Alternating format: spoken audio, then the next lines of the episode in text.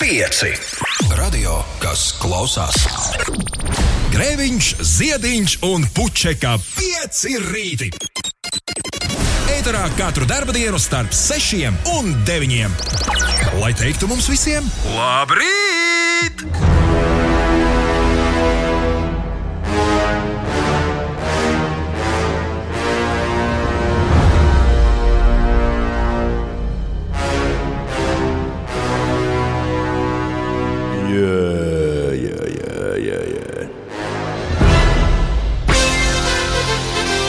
Tur par bučošanos bērnu birzī rakstīts? Ir, ja? Man liekas, Kaut kas tāds. Man liekas, bija Instagramā tikai šo redzējis. Ja? Dāma, kur nu pat izkāpa no taksometra, kamēr es braucu uz rādio tieši vecrīgā. Izskatījās tā, it kā būtu vēl joprojām svētdienas vakars. Viņa kaut kur gāja svētdienas vakara darīšanās. Un es viņai gribēju teikt, es atvainojos jauno cilvēku. Ir tomēr pirmdienas rīts. Ir pirmdienas rīts. Nav ne... Jūs šobrīd bojājat universu ar, ar, ar savu uzvedību. Ir pirmdienas rīts, ir pirmdiena 19. jūlijas. Jautrītai, Kamilai, Dignai un Sārai ir vārdu svētki.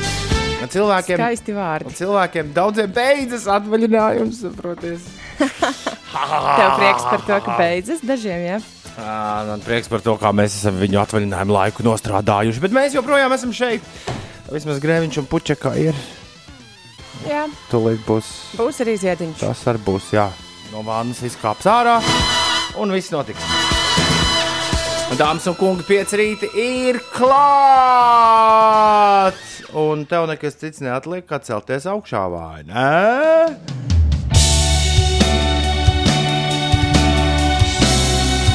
Un kāpēc gan nesākt nedēļu ar progresīvu, gana vecu roku? Ah, iedod man vienu iemeslu.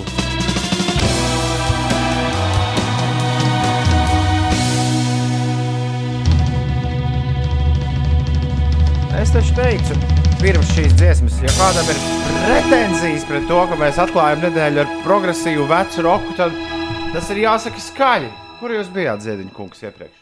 Kā es, mm, ka tā ir kafija lejā. Ah. Nē, nē, fantastisks tāds nedēļas sākums ar tādu ne, tāds Grandioz. fatālu pieskaņu. jā.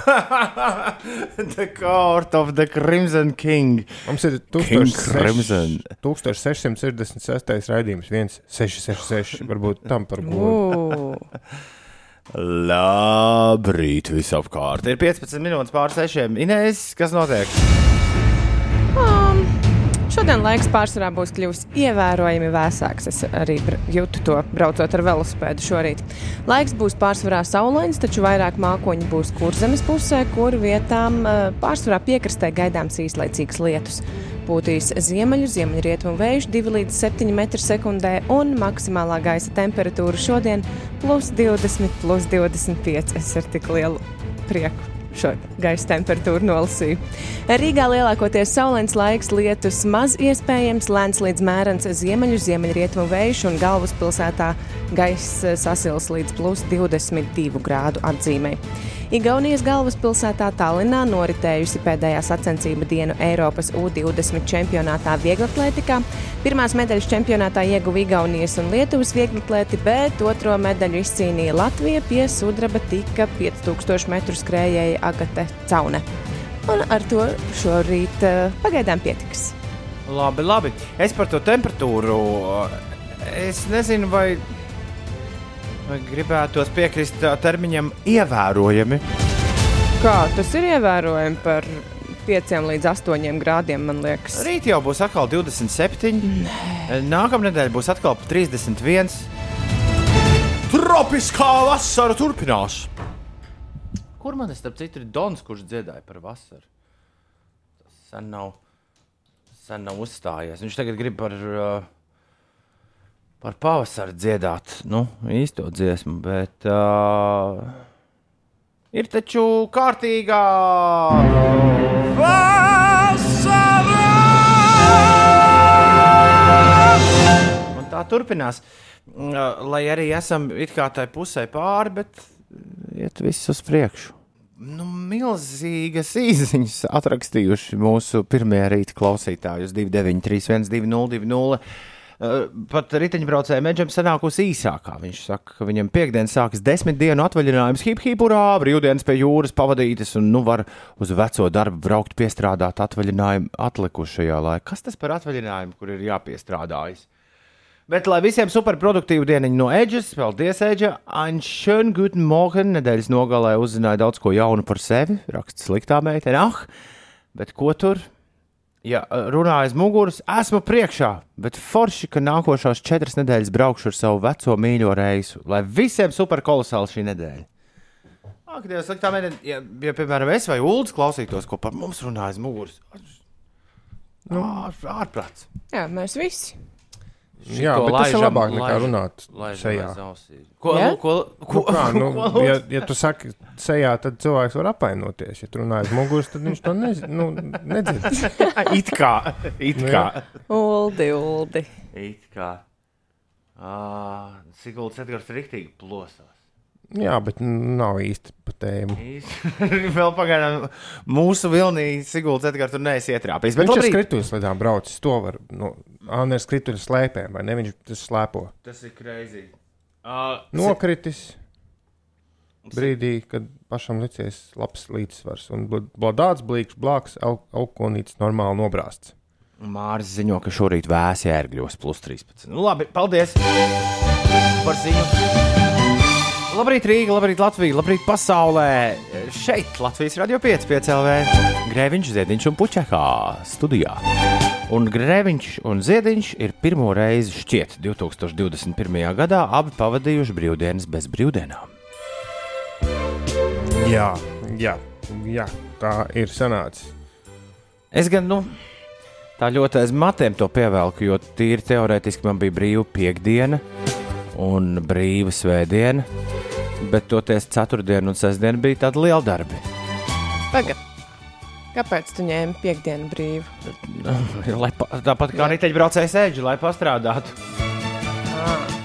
Man, uh, Tad jau sanāk, ka tev tomēr nebija brīva piekdiena. es, uh, es pēc vairāku gadu pārtraukumu jā, biju kā uz muzikanta amplitūnā, un uh, ļoti labi, Ulu, ka jūs nepacēlāt klausuli piekdienu no rīta. Es mēģināju Ulu ar Magnusu sazvanīt pulksten Kāpēc? 6,25 minūtēs. Un Man tā ka likās tam vareni. Man tā- Magnusam, nu, tu viņu sazvanīji, tu teici Magnusam, lai tikai nelaiž tev ēterā. Es man- pirms tam zvanīju uz ēteru, Nē, tu zvanīji. un pēc tam es viņam zvanīju, es viņam zvanīju pēc tam uh, Bet tu pēc privāti. tam vēl zvanīji. Okay, Nu, jo okay. vismaz tavas ziņas bija pēc. Nu, labi, nekāda starpība. Magnus teica, es pacēlis, domāju, varbūt Alfreds zvan, bet, nu, bail, ka tas nav Toms. Ļoti labi. Ļoti labi. Es uh, esmu priecīgs, ka jūs nepacēlāt klausu lēterā. Jo tur bija tie kāzu viesi, vai ne? Tur bija kāzu viesi apkārt. Jā. Viens no viņiem attēloja Mārtiņu rītiņu. Bet tā, nu jā. Bet tas, tas, tas bija tavs es, es pieļauju, ka viņiem pašiem palika atmiņā tas, ka viņi ir bijuši no rīta radio. ēterā. nu, tas pats svarīgākais. Bet tas bija mans jā, nakts darbiņš. Nu, jā, bet tad es, es jūtos mazliet apdalīts, jo tad tev uz to visu tā kopējā fona divas brīvas dienas tomēr sanāca. Nu, piekdiena nu, te- svētdiena. te- Tehniski, tehniski, jā. jā. jā. Sajūtās īsti nē, bet labi. Nu, Nē, man nesanāca. Man sanāca, nu, nu, piekdienas vakars bija mazliet pabrīvāks. Un tad sestdiena bija viens pasākums, dzimšanas diena. Nu, nu īstenībā, kam tā bija dzimšanas diena, tā arī tur nebija skaidrs. Jo, jo svinēja vairāk cilvēku kopā, kas bija iekrājuši dzimšanas dienas, un tad uztaisījuši vienkārši lielu balli. Kas bija ļoti jauks pasākums un sirsnīgs un labi. Labi kondicionēta māja, bija vismaz muzikantu aizskatuve un, un bija garšīgs galds. Pirmais tāds vairāk piegājienu pasākums kopš 20. kopš pagājušā gada augusta beigām. Apmēram tik ilgi nebija bijis neviens bankets. Un sve- vakar bija koncerts, un atbraucu 11. mājās, un tad es mēģināju no 11. līdz apmēram 1.20. vēl iespiest brīvdienu. Nu, tas man bija tā kā. jo, Jo, e, jo man jau likās, ka es būšu pēdējais, kurš ies gulēt vakar. nu, ne, man bija sajūta, ka nu, tā nostrādāts, un ka vajadzētu tagad mazliet atpūsties pirms darba nedēļas. Un es to atpūšanos mēģināju spiest tajās divās stundās. Labi, ka nesāku seriālu vēl skatīt. Tu izskaties pārāk labi priekš cilvēku, kurš ir aizgājis vienos 20 gulēt. Nu, Es- es- kā, es- es- kā izskatos. nu Jā, kā Es- gēni un Vismaz kompliments. Eju, bet Inês, kamēr mēs uh, strādājām un koncertējāmies, Inês bija kāzās! Biju gan, jā. rīkoja kāzas. Nu, gandrīz. Negluži rīkojies, tur palīdzēju. Viss visādi. Es biju Nu, vedējumā. Nu, stāsti, kas sagāja grīstē. Kāpēc uzreiz kas sagāja grīstē? Nu, tie bija vislabākie stāsti no kāzām. Īstenībā nebija nemaz nekā tik daudz, kas būtu sagājis grīstē. Vienīgā lieta, kas, eh, kas varbūt ietekmēja vairāk lietas, tā- tie bija laikapstākļi. Ja veselu nedēļu pirms kāzām, kad tur dzīvojās uz vietas dekoratori, visi cepās ārā saulē, un likās, ka arī pati. Nedēļu dzīvoja dekorā. Nu, jā, tad viņi tādi mākslinieki, tas bija tāds kā plenērs, man liekas, pirms kāzām. Wow! Bet uh, jā, visiem likās, ka tas milzīgais karstums pārņems visu to kāzu dienu. Un es jau biju gatava būt vedējumā, medmāsiņa man bija somā ožamais spirts un likās, ka tur cilvēki ģīpst tajā karstumā. Bet uh, burtiski divas, trīs stundas pirms pašas ceremonijas sāka līt lietus. Un par pirmo lietu mēs visi nopriecājāmies, ka būs tāds eh, neliels svaigumiņš eh, zālei un puķēm un visam. Tad par otro Daba lietu, kas izslāpus. jā, daba izslāpus. Tad par otro lietu, kas uznāca, par to mēs tik ļoti nepriecājāmies, jo tas uznāca īsi pirms ceremonijas sākuma. Un, un izskatās, ka nepāriet, un pērkons ducina, un liekas, ka nu, tā līga jau mazliet sāk satraukties. Arī pārējie jau tādi, ko nu darīsim, varbūt iesim iekšā uz, uh, uz skatuves, pārnest visas dekorācijas. Nu, dekorētāju komandai bija jau plāns B, uh, lai nomierinātu līga viņu, bet uh, beigu beigās tomēr tas lietus arī pārgāja, un, un karstums arī bija rimies. Kopumā viss sanāca ļoti forši, ļoti mīlīgi. Šis bija tādas eh, skaistas un mīlīgas kāzas, bez, bez kaut kādiem milzu kurioziem vai kaut kādām dumjām izdarībām. Un bez episka afterīša. Mm, Afterītis bija, bet uh, tas bija tāds uh, Cik uz to aizgāja gulēt? plezīrveidīgs Cik uz vairāk. sestdien no rīta aizgāja gulēt? Es aizgāju Pēc gulēt nakts. Trijiem vai pusčetriem. O, Vori. Es pačukstēšu, tie, tie dejotāji, kas tev tajā video, ko tu sūtīji ap sešiem no rīta, tas nav afterītis. Es, es Nē, Tom, nesūtīju. Toms sūtīja mums. Ah. Ja, ja sešos no rīta vēl nav aizgājuši gulēt, tad dejot, tad tas jau vēl nav afterītis. Ines. Jaunais pāris mūsu kāzās aizgāja gulēt eh, ap sešiem no rīta, bet viņus jau mēs eh, gājām ar kastroļiem modināt. eh, Šķiet, ka, nē, ap desmitiem. Tāpēc, ka Līga viens pats bija pateicis, ka desmitos no rīta būs Klausies. eh, brokastis. Klausies, klausies, klausies, klausies. Vēl viena lieta, ba- kāds balītē, kur dziesmas skanēja visbiežāk?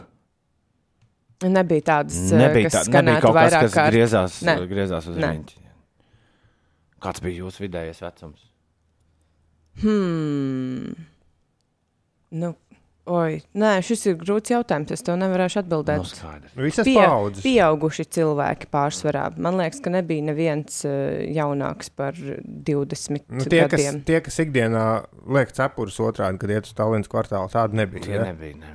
Laikam ne. Cik gadu tiem ir? Nezinu, tur bija 20. Bet man liekas, ka tā gāzes svinēšana labi, ja beidzās tikai vakar tur pa īstam. Aha. Un tagad nedēļa mākslinieki vēl dzīvos un Jā. es, dom, es domāju, ka jā. Sanāk vesela kinofilma. Nu, skaidrs, skaidrs, skaidrs. Tu esi jā, ļoti apmierināta ar visu, kas tur notika. Jā, es teiktu, ka jā. Bija, bija jauki. Mēs devāmies vakarā fotosesijā uz ezeru ar laivu. Mazliet, mazliet nokavējām to saul, saulrietiņu, bet es ceru, ka arī tās fotogrāfijas sanāks ļoti Nozaga foršas. noza ar kāds līga vai ne līga? Oi, Vai būs, mantas. nozagā būs divus. Oh, oh, oh. Jā, bet par laimi vedēja tēvs eh, izpirka līga viņu un līga vaini apmetot kūleni un atdodot pāris dzērienus Tas izklausās, viegli. Tas izklausās viegli. Nu, dzērieni jau bija laikam svarīgākais. Vai nozaga, vai nozaga arī mantas ir, ir kaut kāda? Kāds Nē. tās mūždien kaut kāda? Neviens nebija īsti tādā noskaņojumā. Ļoti labi, ļoti labi. Tas ir briesmīgi, tu pamosties no rīta un tev nav kurpju. Izklausās, ka es biju bijis mežonīgākās kāzās. Tāpēc es saku, šīs bija, lai gan tur bija bārs ar bārmeni un uh, vis visādi dzērieni, tas bija ļoti tāds uh, mīlīgs un mierīgs pasākums, bez nekādām muļķībām un tādām dumjām izdarībām. Kaušanās ar nebija. Pilnīgi noteikti ne. Ir pusseptiņi! Labrīt! Augšā, viss augšā! Paprasiet, Edgars, kur tā ir skrituļu slēpes. Jo no ērgļiem grib zināt. Man ir slēpes, bet vajag uzmēsturot lamatiņas. Un kur to tājas? Nekur nevar info atrast. Viens tur no jūsu klausītājiem braukā ar slēpēm. Pajautājiet viņam, Čingis Han. Siguldas Edgars, tev to. tev uzdevums. Es domāju, ka visos tajos nu, veikalos, kur taisa arī skrituļus, slīdus un velosipēdus, nu, kaut kādos tur tajos. Jā, gan jau ka tur, bet Tom, tu neizstāstīji par savu kāzu Nu, pieredzi. Šis maisis viņiem kūļājas. Ko nē, kas man tieši bija jāizsaka? Man liekas, ka, Nu kā, tu- tu man liekas, vienkārši- ka, man liekas, ka telefons zvans pulkstenis 6.30 uz rādio, Pa- kurš neiziet ēterā. Ir arī jau ir beigas. Pašas kāzas bija mežonīgas vai DJs bija mežonīgs? Tas ir labs. Bet tad, tad tas tev ir principā, jāprasa viesiem. līdz tiem sešiem īsti nekas nenotika. Ja? Es tur ierados tikai uh, īsi pirms pusnakts. Nokavēji! Jesus Christ! Es taču pajokoju. Vārdsargam Emīlam sākas ilgi gaidīt. Es ar- Vislabākais notikums, lai cik tas neizklausītos, droši vien fatāli. Bija beigas. Ba- Tiešām bija mirklis, kur es izbaudīju aizdītajā nedēļas nogalē no A līdz Z. Par 100% bija vakar eh, NBA fināla piektās spēles noskatīšanās. Kāzu laikā. labi, labi. Nu. Šī ir, Es- es- šī ir sērija. Ja, Es pēc tam iebraucu Daltonajā par NBA. Cil, cilvēki, kuriem patīk. Uh, Par dzelteno man te ir viens jautājums, tādā gadījumā uzreiz būs. Bet uh, cilvēkiem, kuriem patīk paskatīties uh, varenu basketbolu, šī sērija starp Phoenix un Milwaukee varētu būt tā, ja, ja galīgi nebūtu ko darīt, un būtu leduskapīts pilns ar uh, augstām limonādītēm. Varētu vienā vasaras svētdienā kaut kādā jaukā dārzā ņemt un nospēlēt. Tad, kad šī sērija būs noslēgusies, visas sērijas spēles no A līdz Z. Jo nu, tas, kā šitie čaļi uh, meistarojas un, un, un mērās viens ar otru. Mēs, mēs galu galā esam pavadījuši no mirkļa, kad pieci rīti sāk skanēt. Mēs pavadījām uh, garus gadus, kad Golden State ļoti pārliecinoši visās fināls sērijās kaut ko uh, darīja. Tad Lebrons devās uz, lai, lai uz kuru komandu devās Lebrons. Viņš vienmēr tur bija. Un, un vienmēr uh, tā cīņa bija Lebrons pret, uh, pret pārējiem. Tagad nav ne Lebrona, nav ne, gandrīz neviens no tiem uh, agrāk uh, redzamajiem mērgļiem. Milvokos spēlē viens, viens čalis vēl no vecajiem, kas ir, uh, kas ir kaut kur redzēts. Bet, nu, Fēniksā spēle numur 5. Pilnas tribīnes ar cilvēkiem. Zeltenais jautājums. Viņi dala vienkārši zvaigznēm, kas tur apkārtnē dzīvo biļetes. Jo tajā brīdī, kad aiziet uh, celebrity cam, tu vienkārši tur sēdi. Po, po, po, ko viņi tur dara? Adēle vakar sēdēja uh, Milvo, tajā Fēniksā un skatījās. Uh, skatījās basketbolu. Pilns tur, protams, Ines ar visādiem reperiem. Tur no kino cilvēki sanākuši. Hmm. Nu, visi, tu- visi tur sēž un jā, Adēle maskā. Jā, jocīgi nevar būt, Pat ka, atpazīt varēja. ka parastie cilvēki negribētu redzēt šādas spēles klātienē. Nu, par parastajiem cilvēkiem viņi tā tur ir sataisījuši. Es nekad ne, nebiju redzējis no televīzijas mizanscēnu viedokļa. Viņi ar kaut kādām superkvalitatīvām kamerām uh, filmē reālā laikā tos fanus tā, ka tas aiziet bišķi slow motionā un izskatās tā kā no kaut kādām crazy filmām. Nē, nu sataisīts tas gan TV, gan, gan tur uz vietas. Protams, nu šovs absolūti baiss. Nu, un tad, protams, basketbols kurā Fēniks uzreiz aizskrien priekšā, tur mājās viss uzspridzina visu to lielo arēnu. Tur kaut trīs plus 30 punktīnes. Un Milvoki tā mierīgi. Ting, ting, ting, ting, ting, ting, ting, ting, un jau pirmās puses vidū ir visu atspēlējuši atpakaļ. Un viss, ko tev tur deva, tā lielā skriešana un trakošana sākumā. Ā, neko. Beidzās spēle Milvoku labā ar 123 pret 119, un Milvoku tagad sēriju ved pie sevis. Rīt no rīta mēs uh, to redzēsim, un Milvoku var vinnēt ar uh, sesto spēli, tātad uh, kausu.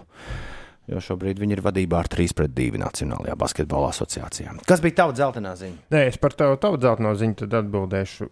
Tur ir dažādi. Ir, vienam baram ir pašiem tiešām ir ļoti, ļoti labās vietās sezonas biļetes, bet nu, tas ir visādiem pārsvarā tur Lakeriem un tādām komandām. Mm -hmm.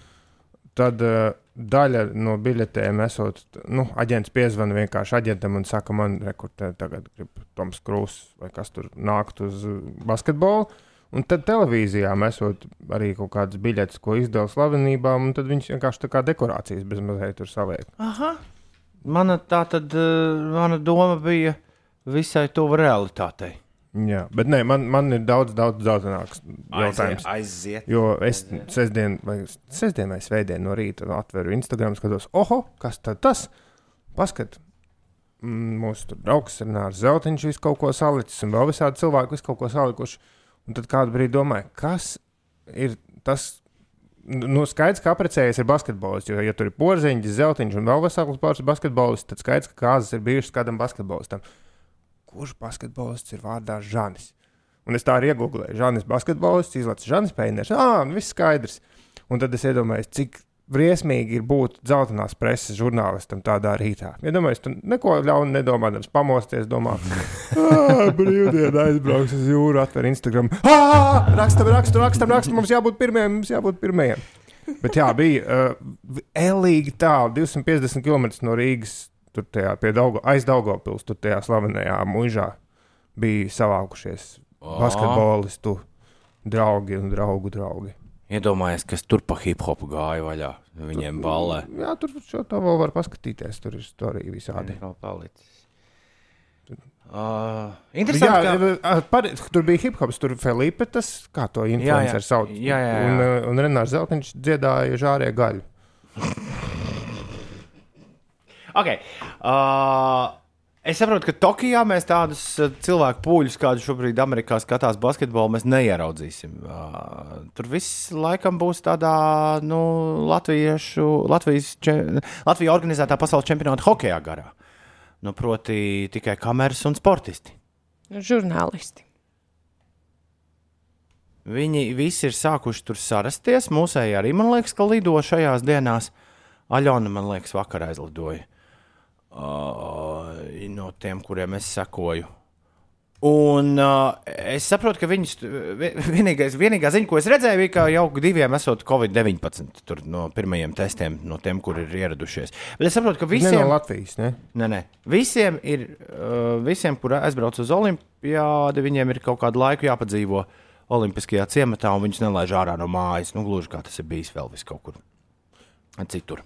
Oh, Paskat, Aļona būs karognesēja. Jā, jā, tā arī bija liela lieta. Lai viņi cauri. nesastrīdas ar to otru, kas nesīs. Tur bū, laikam būs trīs, tri, nu, tas trīs, trīs basketbolists viens būs. Mm, ar to visam vajadzētu būt kārtībā. Iveta sapratusi, ka Toms bija kāzās, kur spēlēja kaut kādu spēli, un tur bijusi Adele. Ļoti, ļoti labi. Labrīt, Iveta. 23. jūlijā, piekdien, tiek atklātas Olimpiskās spēles. Atklāšanas Jā. ceremonija būs, kā tur ir Tokijā, šobrīd ir jau dienā. Tātad pie mums droši vien ap kaut kādiem 11, 12 dienā. Jā, iet apstīties uz LTV. Nē, laikam, šobrīd tur ir 12 televīzijas, 7. kanālā rādīs. Rādīs, jā. No, no. Tur ir šobrīd bez 21.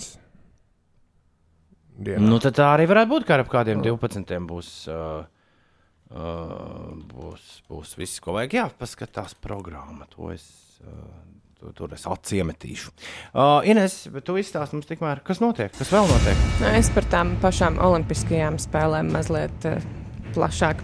Viens sešas dienas pirms Olimpisko spēļu atklāšanas tapa zināms, ka katrai valstī atklāšanas ceremonijā būs divi karognesēji, un Latvija šo godu jau bija uzticējusi trīs, trīs basketbolistam Agrim Čavaram, Bet, bet kam tad vēl? Kam tad vēl?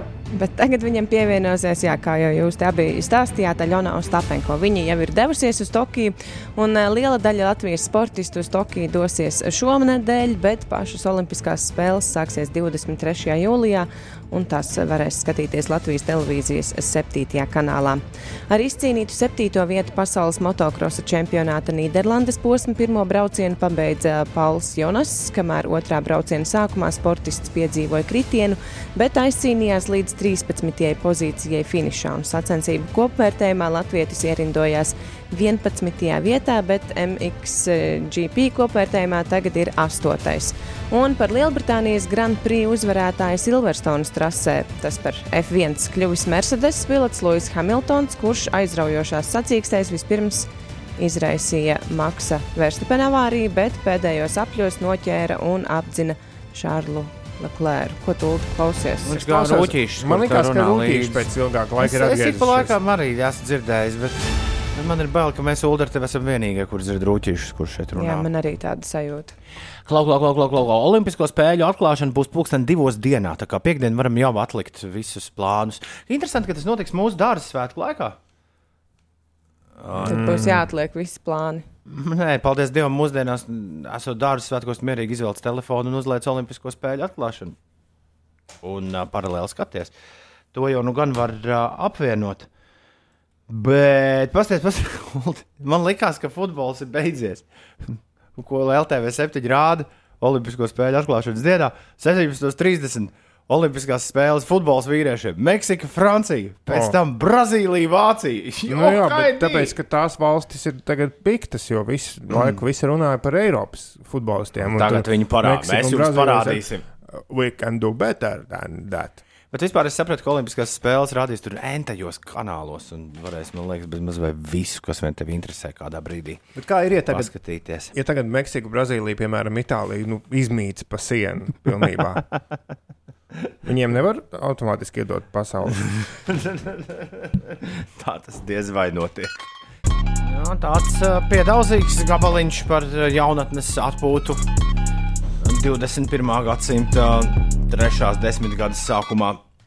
Tīča un flex tests 6,48 minūtēs Latvijas Rādio 5, 5 LV ēterā. Jā, senāk, trešā desmitgade. Jā. Es lasīju, ka nedēļas nogalē vienu tvītu vai kaut kur, kur kāds rakstīja, ka jūs te varat stāstīt, ko vēlaties ar savu 21. Jā, jā. gadu un Jā. vai ko. Deviņ- Sež- 60. gads ir 40 gadus, bijis pirms 40 gadiem, 80. gads ir bijis pirms 20 gadiem, un 90. 90. gads ir pirms 10 gadiem. Es to tvītu redzēju. Jā. Tā, jā. Un neviens neiestāsies, ka 20. gadi bija pirms 100 gadiem. Laika mašīnā.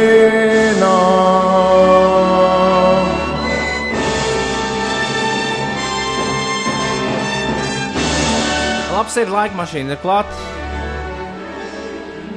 Sāciet nu savas muzikālās ziņas kustināt. Nē, Maņas. Ma, ma, maņas, maņaņaņaņas.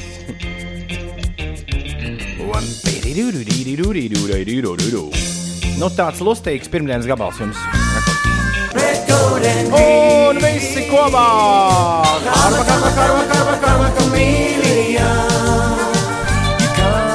Oskars nezina, kas šis ir, kas skan. Tāpēc viņš ir atrakstījis uz radio, ka tā ir vrēta pētra. Cik asprātīgi! Golden green, golden green. Es nekad nebiju ieklausījies dzinieku vārdos šajā dziesmā. Uh, un es īsti nezinu, kā es par to jūtos. Par to, ko es šorīt sadzirdēju šajā dziesmā.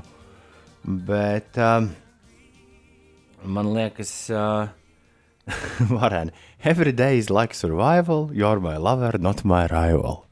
To varētu pat pilnīgi rakstīt kādā Valentīna dienas apsveikumā iekšā. Tā, uh, Uh, Sensitīvs Dainis, Aldis un Sigulds Edgars zina, ko mēs dzirdējām. Stokholmas Kaspars arī zina, bet viņš nezina uh, grupu dziedātājiem, kur mēs klausījāmies. Uldis gan jau arī zina. Es nezinu. Es tev Ines, teikšu priekšā. Viens no uh, vecā, veco laiku seriāla The A-Team aktieriem. Viņš arī vienā brīdī Jā. bija A komandas goda biedrs. Es Tas pateiktu, ir sirmgalvis. nē, tas bija viens no pamatčetrniekiem. Šis bija tā kā viesis. Nē, tad es nezinu, kas tas tāds ir. Cilvēks, kurš kā še- fan, Viņš bija, jā. Viņš, es pēc tam pateikšu, kā viņu sauc, tad tas smieklīgi.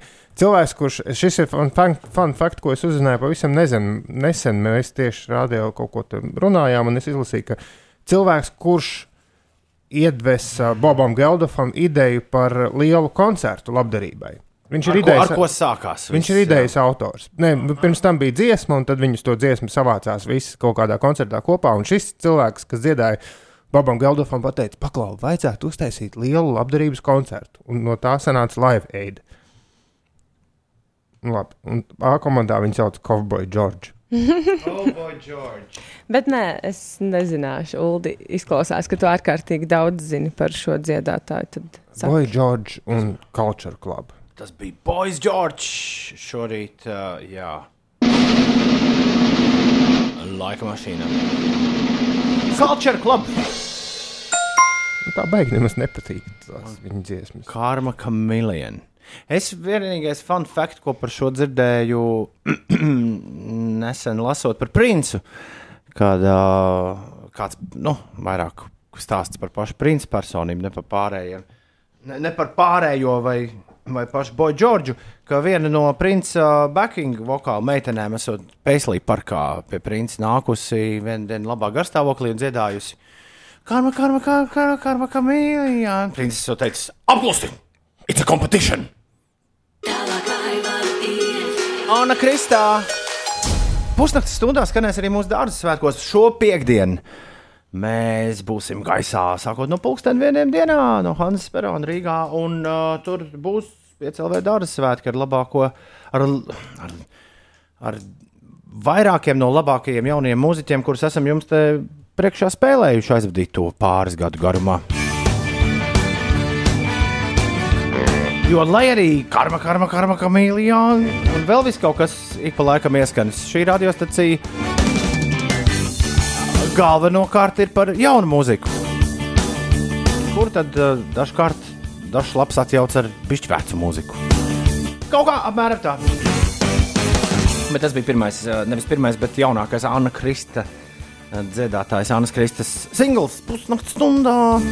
Labrīt visiem! Pirmdiena, 19. jūlijas. Sen jau vairs nav nekāda pusnakts stunda, jau 7 stundas uh, prom no pusnakts esam pirmdienā, 19. jūlijā. Grēviņš Ziedņš Puķekā, Latvijas Radio 5, 5 LV 9. Latvijas Radio 9. studijā, un tagad no 9. studijas mēs pārslēdzamies uz kuru studiju? Šī ir numurs uz trešo studiju? E, Tas ir mulsinoši. Tur, tur sēž ziņu cilvēks, un tagad saka, ka mums jāklausās ziņas. Okay. Astoņu gadu jubilejā mēs aicinām tevi uz 5 LV dārza svētkiem. 23. jūlijā, radio ēterā un sociālajos tīklos tiešraidē no Hanzas Perona vasaras terases. Būs dzīvā mūzika, būs daži dārzniecības darbi un laiska atpūta visas dienas garumā. 5 LV dārza svētki. Piektdien, 23. jūlijā, jau no vieniem dienām. Pieci. In. I'm a pretty boy, I'm stunning. Super speed Sonic, I'm running. Super, super, super speed Sonic, I'm running. Pieci. Radio, kas klausās. Labrīt, piekdiena, dārza svētki, pārējās dienas arī kaut kas jāizdomā. Nu tā, lai viss. Lai pilna programma. Labrīt, pirmdienā, 19. jūlijā ir 5 minūtes pār 7. šeit Latvijas Rādio 5, 5 LV. Nu, Svētku nedēļa. kā, jūt, kā jūtaties svētku nedēļas sākumā, ko mazliet miegaini. nevar būt? tas, tas gan kaut kas absolūti jauns. Man ir viena morāla, starp citu, kas ļoti, es tikko sapratu, lieta noderēs arī piekdienu. Ja nu, ir dzirdēts stāsti, ka tu ej uz pasākumu, kur cilvēki pārbauda tos certifikātus ar telefoniem, skenē, un kaut kas tur nestrādā. Nu, rādās sarkans, lai gan jābūt zaļam un kas tur. Un uh, vakardien ļoti vienkārši atrisinājām, jo mums arī Big Band nu, arī aizskatuvē bija tur visiem jāskanējas un viss. Un, un, Un tā meitene, kas atnāk no koncerta zāles, viņa, viņa rāda, tur dažiem cilvēkiem rāda, ka certifikāts nederīgs. Nu, kas pirms dažas stundas pirms koncerta izraisa mazu paniku. Es noskanēju ar savu telefonu, rāda derīgs. Un uh, vienkārši vi- elementāri izdzēst to aplikāciju un ielādē no jauna, jo tajā lietotnē, acīm redzot, kaut kāda iemesla dēļ ir palikuši veci dati, viņa nav atjaunojusies. Viņi to certifikātu atrod, bet viņi rāda nu, kaut kādu datumu dēļ, ka nav derīgi. Un, un, un, jā, gan, gan meitene, gan viens kolēģis, kurš arī bija pārsteigts, ka viņam pašam, pašam skanējot, rāda nederīgi. Izdzēs, uzinstalē no jauna un viss kārtībā. Principā izglāba koncertu. Jo viņi tādu jaunkundze teica, bet es nezinu, ko darīt. Ja man no Big Band jau no, no 15 cilvēkiem diviem rāda nepareizi, tad kas būs publiku skanējot? auč! koncerts noteikti iekavēsies. Un viņi izdzēs un ielika no jauna, un koncerts sākās laikā. Tā kā es izglābu koncertu. Malacis, Uldi. Malā. Bet tā ir laba, laba, laba mācība, ko atcerēties visādiem organizatoriem, kas tiešām ik pa laikam var, var dzirdēt, ka jā, tur kaut kas negāja. Ir septiņas minūtes pāri pusdienas septiņiem, lai viss labi iet. Jā. Ja kaut kas nesanāk, izdzēs un ielādē no jauna.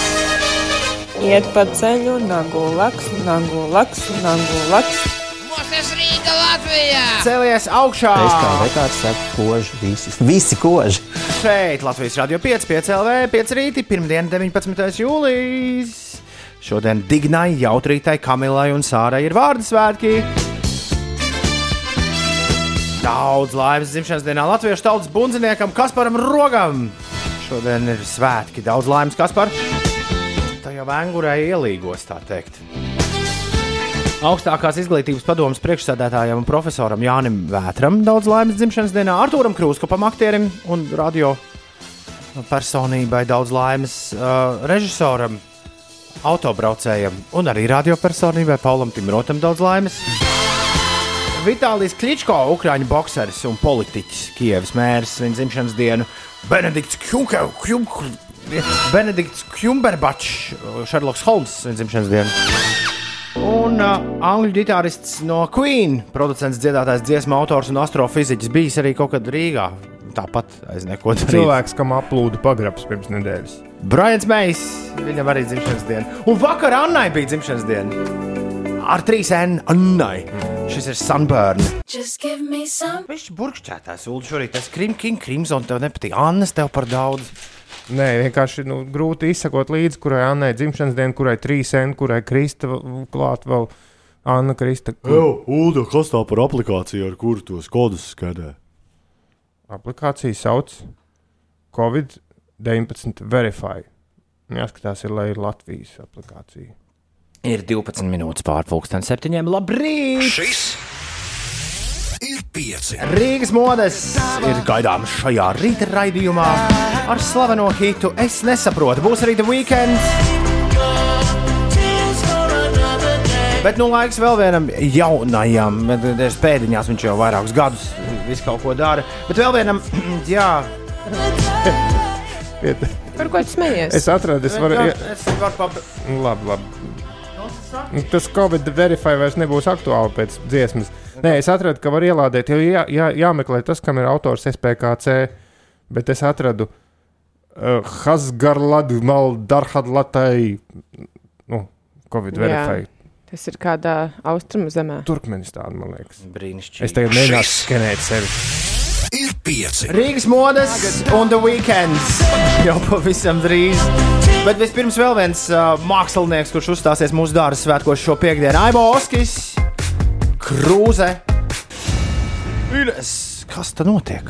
Šodien laiks Latvijā ievērojami vēsāks, tā liecina prognozes. Laiks būs pārsvarā saulains, taču vairāk mākoņu būs kurzemē, kur vietām pārsvarā piekrastē gaidāms īslaicīgs lietus. Būtīs ziemeļu, ziemeļrietumu vējš 2 līdz 7 m2 un maksimālā gaisa temperatūra plus 20, plus 25 grādi. Arī Rīgā lielākoties saulains laiks, lietus maz iespējams, lēns līdz mērens ziemeļu, ziemeļrietumu vējš un maksimālā gaisa temperatūra galvaspilsētā ap plus 22 grādiem. No šodienas būs slēgta pārvietošanās gājējiem pa aizsargdambi ādažos no Vējupes ietekas gaujā līdz Kadagas tiltam. Savukārt Gaujas ielā šajā posmā būs noteiktas satiksmes organizācijas izmaiņas.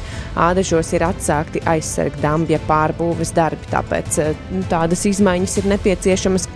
No šodienas līdz 22. jūlijam norisināsies starptautiskais Baltijas baleta festivāls, kurā skatītājiem tiešsaistē būs iespēja skatīties festivāla konkursa spilgtākos darbus. Un šodien Ventspils augstskolā atklās Startautisko lingvistikas eh, olimpiādi.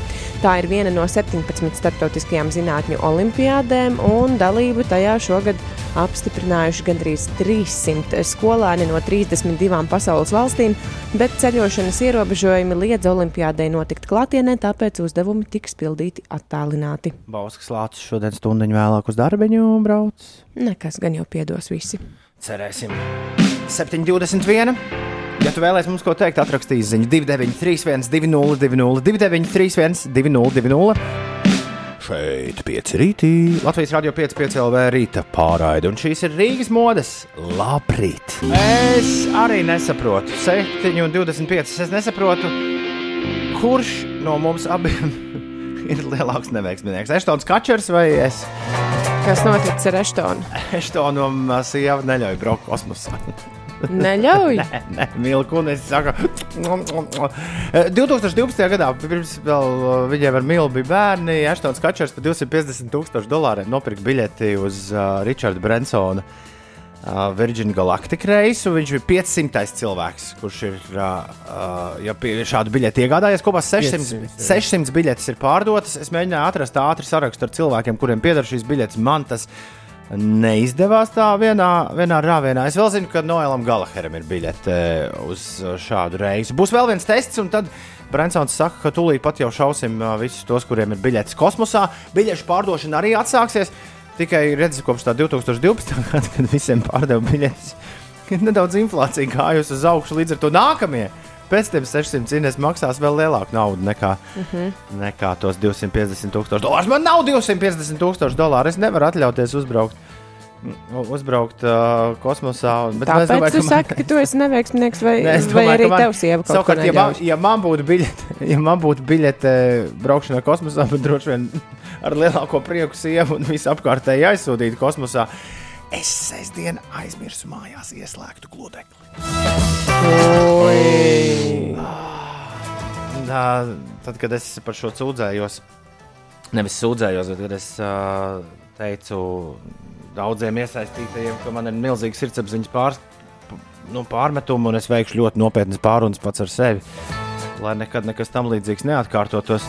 Tad man mierināja, ka mūsdienās gludekļi nesot gluži tādi, kas tur var kaut kādas briesmas sataisīt. Ka viņos ir kaut kāda aizsardzības mehānisma arī tomēr iestrādāta. Nu, bet, uh, ir tādi, kuriem ir šis te pašizslēgšanās režīms. tāds man nebija. Jā. Bet uh, nākamo, nākamo gludekli pērkot, noteikti tā ir uh, ļoti laba ideja. Uzrakst Eštonam. Jā. Viņš ietaupīja Saka, ka 200 tev- tūkstošus. Saka, vecīt, man sieva Ainī. ļauj braukt kosmosā. Varbūt tu vari nu, man iedot to biļeti. Nē, lai viņš gludekli nopērk. Tā tā saprat. Bet es jums sūtīju tieši par šo lidošanu. Bija uh, slavenais astrofiziķis Nils deGrasse Tyson, bija ielicis ļoti jauku bildīti un skaidrojumu, cik augstu tad Brensons īsti lido. Nu, tādā saprotamā valodā Nu, nu. paskaidrots.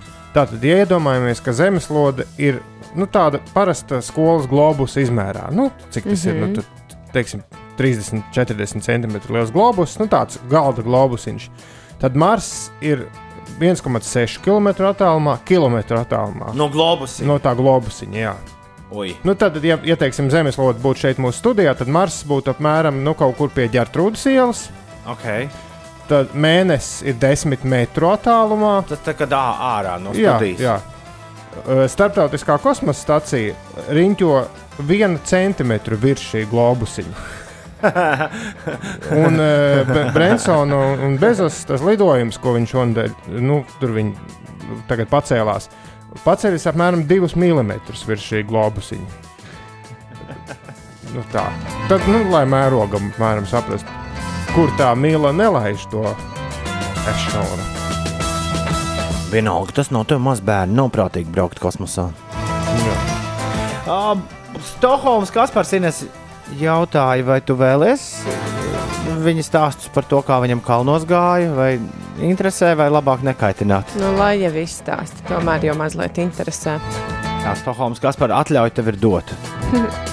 Bet uh, varbūt labāk ierunā Instagramā savu vērtējumu par kalniem. Pieci rīti, pieci ar burtiem. Ja slinkums labi, lai iet vecais labais SMS. Bet ierunāt, tad būtu foršāk. Kalnos ir sniegs, kalnos ir vēsi. Jā, Dziesma nākamā par Ā. sniegu, par atvēsināšanos karstajā laikā. Jā, drīz man izšķirošs pagrieziens palīdzēsiet, prasa Kate. Vasties pirmdienas rītā uzreiz jau, uzreiz jau tādu palīdzību mums ļaudis prasa. Ines, tu jūties spējīgi palīdzēt cilvēkam izšķirošajā pagriezienā. bet mēs ar Uldi iepriekš runājām, ka mēs īsti nesaprotam, kas īsti tas par izšķirošo pagriezienu ir. Nu, jebkurā gadījumā klausi sirdsbalsī. Atcerieties, ka Bet, ja ļoti vajag, tad uzrakst, kas pa vainu, un mēs mēģināsim kaut kā vismaz trijotā saprast, uz kuru pusi katrs no mums to palagu vilktu. Es gribēju teikt, ka uh, reizēm svarīgāks par mērķi ir pats ceļojums. Reizēm 7,36 minūtes ir pareizais laiks. Labrīt! Suddenlights! Pirmdienā, 19. jūlijā. 5 LV! Celies augšā! Suddenlights! Šo piekdienu būs headlineri mūsu dārza svētkos. Visi laipni aicināti, ja ir certifikāts kabatā. Ja nav certifikāts kabatā, tad aiz sēdes jāskatās. Es biju Hansa Peronā vienā pasākumā pagājušā ceturtdienā vakarā. Un, uh, jā, tur ļoti labi var dzirdēt arī no sēdes puses. Es gan nezinu, kas tur tajā brīdī, ja tev nav certifikāta, tad par pulcēšanos tev tur nu, jāskatās. Kā ir, ja tu tur ar draugu apstājies, piemēram. 7,39 minūtes ir pareizais laiks. Uh, izrādās, ka katrai izšķirošais pagrieziens nav gluži precēties vai neprecēties, iet prom no darba vai neiet prom no darba. Viņi raksta, uh, pastāstiet, lūdzu, kas darās uz Valmieras šoseis, vai prātīgāk būtu braukt pa pleskavas. Šis ir izšķirošais pagrieziens. Ines, kas notiek? Nu, valsts autoceļu tīklā, protams, ka aizvien notiek ceļu remontdarbi. Šķiet, ka pagaidām tie notiek 117 autoceļu posmos. Un, jā, daudzi ceļu remontdarbi ir tieši, uz, tieši vidzemē, uz Tallinas šoseis, vidzemes šoseis, Valmieras šoseis. Uh, vislabāk, ka tev būtu ar tiem iepazīties Latvijas valsts ceļu mājaslapā. Tur ir Katra ir pie stūres, ne nav laika. Ieslēdz beigas, un tur jau arī viss ir iekšā. Jā, bet nu, pagaidām man veids rāda, ka viss ir diezgan uh, mierīgi uz uh, autoceļiem. Protams, Zabiem. uz uh, Tallinas šoseis tur ir pie ādažiem maziņš sastrēgumiņš, bet tas jau visiem ir labu laiku zināms. Tur pagaidām 5 minūtes jāaizkavējas. Tas par, tas par braukšanu ārpus Rīgas. Rīgā neliels sastrēgums ir brīvības gatavē posmā no Džutas ielas līdz Gustavas zemgala gatavē. Tur jārēķinās ar 6 minūšu aizkavēšanos. Un, protams, Kroksils balošu pagrieziens tur kā parasti. Šajā laikā 8 minūtes jāpierēķina klāt ceļam. Krustpils ielas un Granīta ielas krustojums arī mazliet sastrēdzis. Bet labi, vēl par ārzemju lietām. Lielbritānijas daļā Anglijā no šodienas, 19. jūlijā, atcelti gandrīz visi Covid-19 dēļ noteiktie ierobežojumi.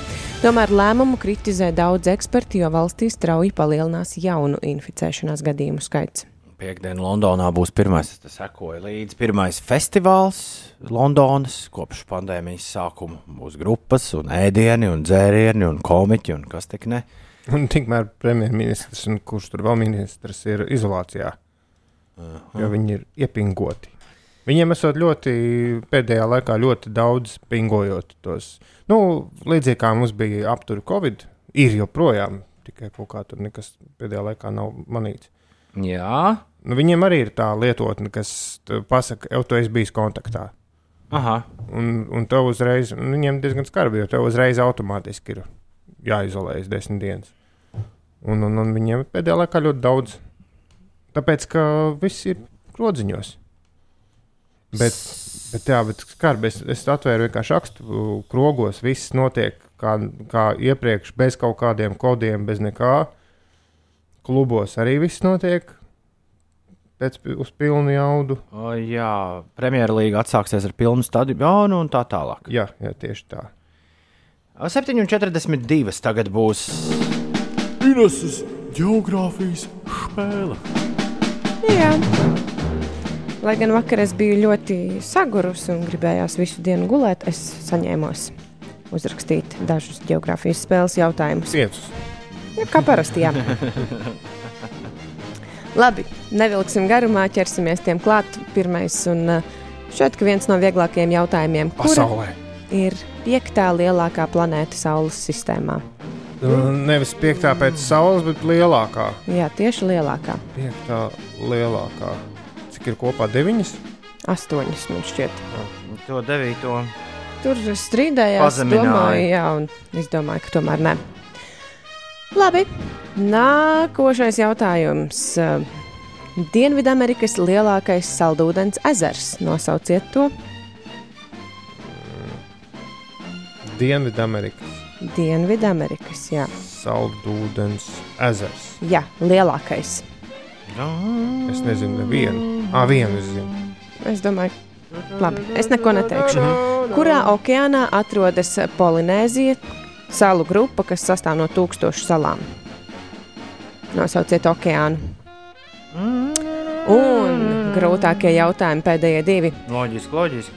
Roalds Amundsens, polārpētnieks, kas sasniedza Dienvidpolu, kādas tautības cilvēks eh, viņš bija? Amundsens. Jā, Roalds Amundsens. Nu, kopumā vārds, eh, vārd, vārdi viņam ir vairāki, bet, eh, bet vispār pieņemts teikt Roalds Amundsens. Polārpētnieks, kas sasniedz Dienvidpolu, kādas tautības cilvēks viņš okay, bija? Okay. Un pasakiet, kas ir samums? Tā ir slimība. Nē, tas Kurš ir saistīts ar geogrāfiju. Samums. Samums. Jā, varbūt kāds Samums. Samums. Sajums. Nē, samums. Varbūt arī kāds klausītājs zina atbildes uz šiem jautājumiem. Tad droši var rakstīt uz 293, 202. Piektā lielākā planēta, Dienvidamerikas lielākais saldūdens ezers, kurpā okeānā Polinēzija, kas ir Rolands Amundsens, ne nu kādas tautības viņš bija. Jā. Un kas ir samums? Šādi pieci jautājumi geogrāfijas spēlē, piecas nepārāk pareizas atbildes no grēviņa un ziediņa. Sekos uzreiz pēc Bleachers. Uh, Mums šeit notiek, kā katru pirmdienu, Ineses geogrāfijas spēle. Laiks atbildēm. Aiziet! Tā, es pavadīju visu dziesmas laiku, mēģinot atcerēties visas planētas. Diemžēl mums nemācīja skolā pantiņu, tā kā angļu bērniem. Viņiem ir pantiņš, pēc kura var atcerēties visas planētas. Bet tu neatceries to pantiņu arī. Nē, Man viena planēta pazuda. Man arī pazuda viena planēta, un es pavadīju visu dziesmu domājot par planētām. Ines, kāds bija pirmais jautājums? Pirmais jautājums bija par to, kura ir piektā lielākā planēta Saules sistēmā. vai- Kopā vai ir sa- astoņas. Saliekam kopā, kur, kur planēta ir, vai mums būs viena un tā pati pazudusi. Neptūns tev ir? Pagaid, nu, va- va- varbūt vispirms atbildam. Nu, atbildiet, jā. Nu, es pirmais, man bija 3, 3. Nu, labi, es sākušu. Es saku, ka Mars. Dom. Mars. Piektā lielākā planēta. Tas tā kā pirmā planēta ir pirmajā vietā, otrajā, trešajā, Jā. ceturtajā, Mars ir piektajā. Nu, tā es izdomāju, jā. Laikam jau ka nav. Nu, Nu, es, Tom? Man liekas, ka tu kaut kādā āķī būsi ielikusi un zeme izrādīsies. Tas, tā, tā ir mana otra atbilde. Vēl pareizi atbild. Es, es lieku uz zemi. Un tudum, bundziņas maziņās. Punkts ir Tomam. Tā ir zeme. Mars ir mazāks par zemi. Yeah. Ejam no lielākās. Jupiters ir lielākā, tad ir Saturns. Un tad, Jā. tad ir Neptūns, Urāns. Urāns. Tad ir Urāns Mars, man nebija. tad ir Jā. Mars Uranus. Pareizi, Urāns. Ah, nē, Mars ir zem zemes. Urāns, Neptūns, Zeme, Venēra, Mars. Urāns un Neptūns abi ir lielāki par Zemi. Ja? Jā, Un Jupiters un Saturns ir milži. Jā, nu labi. Nekas, nekas. Man, es, man zeme bija gandrīz otra atbilde. Es vienkārši paņēmu Marsu, jo likās interesanti. nu, labi, labi. Nē, Bet kurš tev iztrūka? Merkurs, vai ne? Tu teici, ka tev arī viss Es astoņas- urānu ļoti ilgi arī domāju, un, un Plutons man bija pierakstīts, bet tā vairs Tas nav. vairs nav. Tas vairs nav, nē. Labi. Jautājums par lielāko Dienvidamerikas saldūdens ezeru. Ā, Es taču nezinu. Tam, tam Hagaganka vai Kā? Nevar atcerēties nosaukumu. Tur ir, tur ir šī tikai viena upe. Ah, nē, Čīlē tas lielais, bet es nezinu, man, ir, Vada lūpe kaut kā. man ir rakstīts Titikaka, bet man liekas, Tītikā, es zinu. tītikā, ka ir tā, kā, kā, tas tieši, tieši, tieši tas, ko es Jā, domāju. tas tieši tas pats. Tītikā, kā Izruna mazliet tā atšķīrās. jā. ganka man bija. Bet, jā, nu man liekas, ka visslavenākais eh, Dienvidamerikas ezers arī ir Titikakas ezers. un Tas ir gan lielākais, gan arī atrodas visaugstāk pasaulē. Tas ir Augstkalnu ezers. Tas tiešām ir lielākais. Dienvidamerikas saldūdens ezers. Jā. Nu, forši. Labi, trešais jautājums. Kurā okeānā atrodas Polinēzija? Salu grupa, kas sastāv no tūkstošu salām. Ar nelielām pārdomām klusais. Klusajā okeānā. Tieši tā, un punkts arī Kārlim. Tas ir klusais okeāns. Jej! Nu, tad divi, divi un šķiramies kā draugi. man ļoti interesē Vai jūsu atbildes uz eh, pēdējiem diviem jautājumiem. Jā. Roalds Amundsens, polāra pētnieks, kas sasniedz Dienvidpolu. Kādas tautības cilvēks viņš bija? Ja pareizi atceros Dānis. Norvēģis. Un pareizi atceras tomēr Uldis. Viņš bija Norvēģis. Man liekas, tas ir Norvēģis, bet. Nu, gan jau Nu, ka būs Turpat atkal gandrīz kaut kāds. tuvumā jau ir, vai ne? Nu, nekas Labi. nākamajā tu atpirnēsi šo punktu. Jā, jo Toms droši vien zina, kas ir samums. Tas ir ledus sagruvums jūrā. Tas ir uh, Amundsena galvenais suns. Dažās samums. vietās, daž, dažās vietās to sauc arī par samūmu, ar garo U, bet tas ir sauss, karsts vējš, kas saceļ smilšu vētrus. Nu, gandrīz tas pats, kas ledus sagruvums. Un Amundsena suns. Viņš sauc samums. Pierāda, ka ne. Tā Uldis tomēr vinēja ar 3-2. Ja? Ah, 3-2. Pārsvarā Amundsens. šāds vējš ir tuvajos austrumos, Ziemeļāfrikas tūkstošos un Vidusjūras dienvidu piekrastē. Ines geogrāfijas spēle. Tagad Ines tev par priekšu šī dziesma. Jā, Kā man patīk. Uzmanību! Mežos visā Latvijā ir augsta ugunsbīstamība. Valsts meža dienests aicina neiet uz mežu, nekurināt ugunskurus pat arī tam paredzētās vietās, nesmēķēt, nebraukt ar motocikliem un kvadricikliem ārpus ceļiem. Ugunsgrēks var sākties no vismazākās dzirksteles, apdraudot iedzīvotāju veselību un dzīvību, radot meža īpašniekiem zaudējumus. Saudzēsim mežu un tā iemītniekus! Call me when you want, call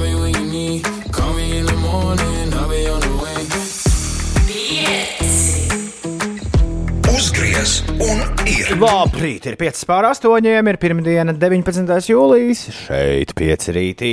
Mums ir pamatīgi piedzīvojumi meklētāji, klausītāji. Šīs pārraides klausītāji ir daudz lielāki piedzīvojumi meklētāji nekā citu pārraižu klausītāji. Jā, Pierāda man pretēju. var jau būt. Es nezinu, nāc klausījusies citas pārraides. Sestdien vienā garā dienā nobraucām ap 1300 km, raksta Stokholmas Kaspars. Tad sapratām, ka būs svētdiena lietus, un par dienu atlikām pasākumu. Bet pirmdien desmitos sākām no Nika laukta. Mm -hmm. Plus 25, ko nozīmē plus 25? Tas ir metri virs jūras Es domāju, ka līmeņa, jā? drīzāk gaisa temperatūra. Un 5 stundu laikā 20 km akmeņainas pastaigas līdz Kebnekaisas stacijai. Divas stundas atpūtas un sapratām, ka jākāpj augšā, jo naktī būs vislabākais laiks. Pusnaktī bijām augšā. Divos. Elsdami, pūzdami. Un tad jau plus 2 grādi tikai bijuši. Skats pavērās uz visiem 360 grādiem. Nākamie pēc pusstundas jau vairs neko neredzēja no pašas virsotnes. Diezgan stāvēs kāpiens lejā, un otrdien ap septiņiem bijām stacijā. Četras stundas miega un aiziet uz Nika laukta. Tā nu 36 stundu laikā nogājām ap 60 km, kurus noslēdzām ar pirti pusnaktī. Forši. Es uh, nebiju iepriekš tā dzirdējis, ka kāds iet uz, uh, tur uz virsotni pa nakti, bet iespējams to dara tāpēc, ka tur varbūt vēl joprojām ir tās polāro nakšu ietekme. Un Es domāju, ka, ir. es domāju, ka tā ir viena lieta, otra lieta tā, nu, kā arī. Nu, Uh, nu, nu, tīri tas uh, temperatūras faktors. Ja tev tā nešķiet. Varbūt. Visi pieci kāpēji baigie malači. Fiziskais bija vajadzīgs vairāk, kā bija domājis, bet ar gana daudz mazpauzītēm nolauzām. Un 60 km, ja kādam interesē, bija ap 100 tūkstošu soļiem.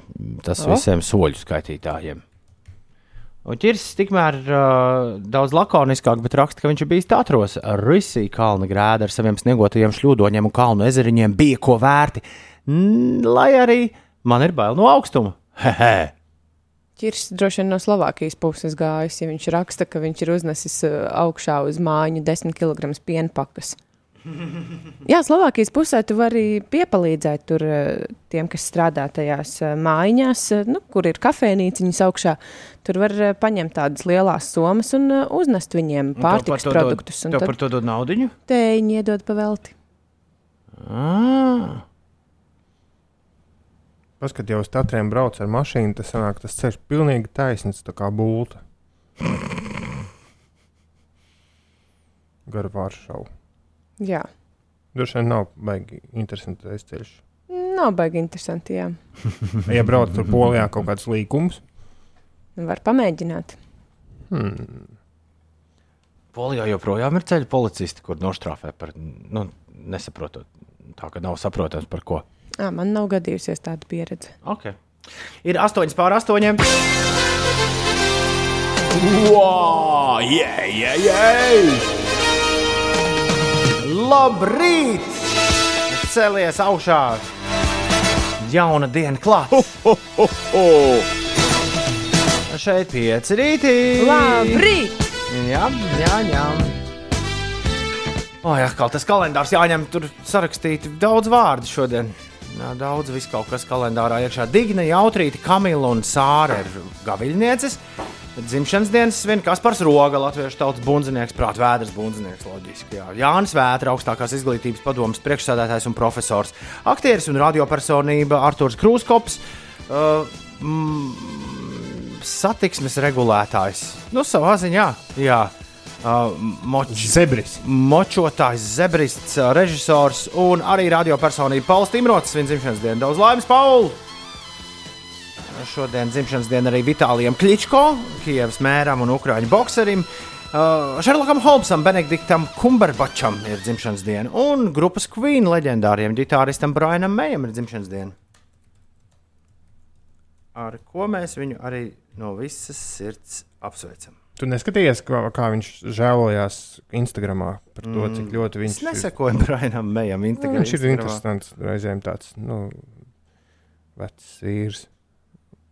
Par ko viņš žēlojas? Viņam, viņam ūdens bija. Jā, viņam saprotu. ūdens, jā, un viņam tur, viņš, viņš no lauka mājām pārvedis uz Londonas māju, un pagrabā salicis visādas vecas bildes un relikvijas un kaut ko tādu. Ui, ui. Ar domu, ka te jau nu ir droši, un izrādījās, ka te galīgi nav droši. Oi.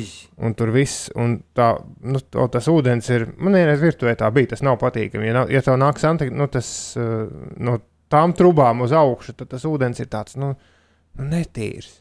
Labi, tur nav gluži tā, ka tur ir kaut kādi, nu, nu tas, kas santehnikas trubās mēdz peldēt, bet, nu, Upsi vienalga, viss daisy. ir tāds melns un, un smird. Jā. Nu, ko, un Brianam Mejam tagad mākslas kolekcija pagalam. Nu, vairāk jau tādas, nu, emocionālas lietas, nevērtības. Diplomāts raksta, es sestdien biju uz veikalu, arī pat taisno kā bulta. Nav nevainas ceļam uz tatriem. ā, Papina rapīs raksta, dragā tik. Un ķirs raksta, es neticēju, bet kāds tur, uznes, ka kāds tur uznesīs 50 litru alus mucu. Tur jābrauc man ar moci. Uzvest to mucu augšā. Mhm, jā. Kāpjot lejā virs ap 60 gadiem, virs ap 60 gadiem uz muguras to nes augšā. Tas likās maksimāli nereāli. Tur droši vien dabū ne tikai tēņu. Tur kaut ko no muciņas noteikti vēl dabū. arī dabūna. Bet uh, tad, kad es tur biju pirms vairākiem gadiem, atros, tad mūsu kompānijas puiši arī bija izdomājuši piepalīdzēt uznest augšā tādu lielu somu, kas, kurai vēl bija nu, tādi statīvi tā kā no koka. Uh, jā, bet viņi dabūja tēņu. Okay. Sveicieni mazajai Edgara meitiņai pirmajā vārda dienā, 8,12. Ozols un Prusaks. Latvijas Rādio 5, 5 LV. Labrīt. Ulu, vispār tu varētu uztaisīt kaut kādu. Tu to darīji pirms gadiem, pieciem. Uz iepriekšējām vasaras olimpiskajām spēlēm. Pats aizmirsties pašam. O, Jā. varētu uztaisīt sarakstu ar olimpiešiem, kuriem ir jāseko, lai varētu redzēt olimpiādi no, no viņu acīm. Es nu pat ļoti sapriecājos, rādīju Tīnu Graudiņu. Viņa ir ieradusies Japānā. Es rādīju viņas stāstu Sinesai Nuldim. Visvairāk man patīk uh, pašbraucošie autobusiņi, kas tur Olimpiskajā ciematā izvadā, izvadā cilvēkus. Bet tur ir labi karsts un, un, un, un cilvēki izskatās ļoti smaidīgi. Vispār es, lai arī tur, es domāju, ir ierobežojumi, arī ir pilnīgs trakums, bet es gribētu būt Japānā. Šajā laikā. Tur ir rīktīgi karsti un, un rīktīgi mitri, nu, dēļ okeāna ietekmes. Mm -hmm. Pēc dažām dienām pajautāsim kādam no mūsu kolēģiem, kas tur ir devušies. O. Cik forši tur ir. Es ceru, ka mēs ar kādu sazināsimies Var jābūt. ar tādu lielu daudz punktu. es ceru. Tāls Eipurs un Māris Bergs tur būs. Bet, uh, vietas. bet varbūt tur ir arī kāds no mūsu. Kāds no, mū, kāds no mūsu klausītājiem, olimpiešiem, nu tieši pašiem, pašiem sportistiem, varbūt mēs kādu arī varam sadabūt rokā. Bet Ulu līdz piekdienai, kad atklāja Olimpiskās spēles, ja to sarakstu ar galvenajiem Instagrameriem, kas atspoguļo olimpiādu, vajadzētu sataisīt. Nu, Viena, re, kur ir tā tā Tīna Graudiņa. Tas mums ir zināms. Aļona Stepenko arī. Cerams, ka viņi rādīs visu kaut ko. Aļona jau tur mēdz vienu, vienā Kā, brīdī baigi tev tagad draudzene ir liela. Es, tā, tad es, Uzraksti es viņai. viņai lūkšu. Jā. Labi. Sarunāts. Par jāapskatās, ka tas olimpiskais tenis sākas jau. Viņi jau nu, pavisam noteikti ir viena no tām, par kura, par kuru īkšķi būs jātur pamatīgi. Uh, uh, Prognozēs kāds ir kaut ko dzirdējis par mums ar medaļām? O, nē. Kā tur bija vasarā, mums gāja struntīgāk parasti nekā ziemā, jeb otrādi. Nu, Kā Latvija ir skeletona liela valsts. Jā, tad, pareizi, protams, ka ziemā mums sanāk labāk. Nekas šogad jūs redzēsiet. Tur viss ir apduluši. Nu, tur Covid-19 un vēl viss kaut kas un ierobežojumi. Kā mūsējie parādīs visiem. Olimpiskās spēles, kā mēs šorīt ļoti agrā rīta stundā noskaidrojām, sākas eh, to atklāšana notiek eh, šo piekdienu, pulksten divos dienā pēc Latvijas laika. aizraujoši. Ieslēgs tiešraidi un tur ies cilvēki. Bet parasti jau tās, nu labi, es jau nezinu, kā šoreiz būs. Šovi visi Jā, parasti jau visādi šovi Jā, ir. tie, ci- tie cilvēki tiešām Amerikā rāda reklāmas pauzes tajā laikā. Tā kā cilvēki iet. Jā.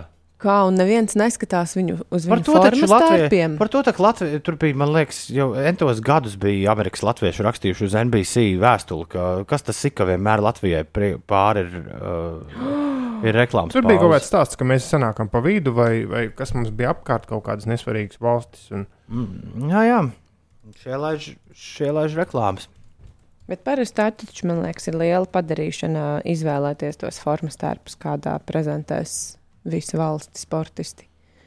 Man liekas, ka šogad es-. Kanāda ir tādi ļoti progresīvi. Bet es piekrītu Uldim, uh, ka tas mēdz būt uh, jā, garstāvokļa nogalinātājs. Ir īpaši, ja tas notiek Amerikā un tu skaties to kaut kādos divos naktī.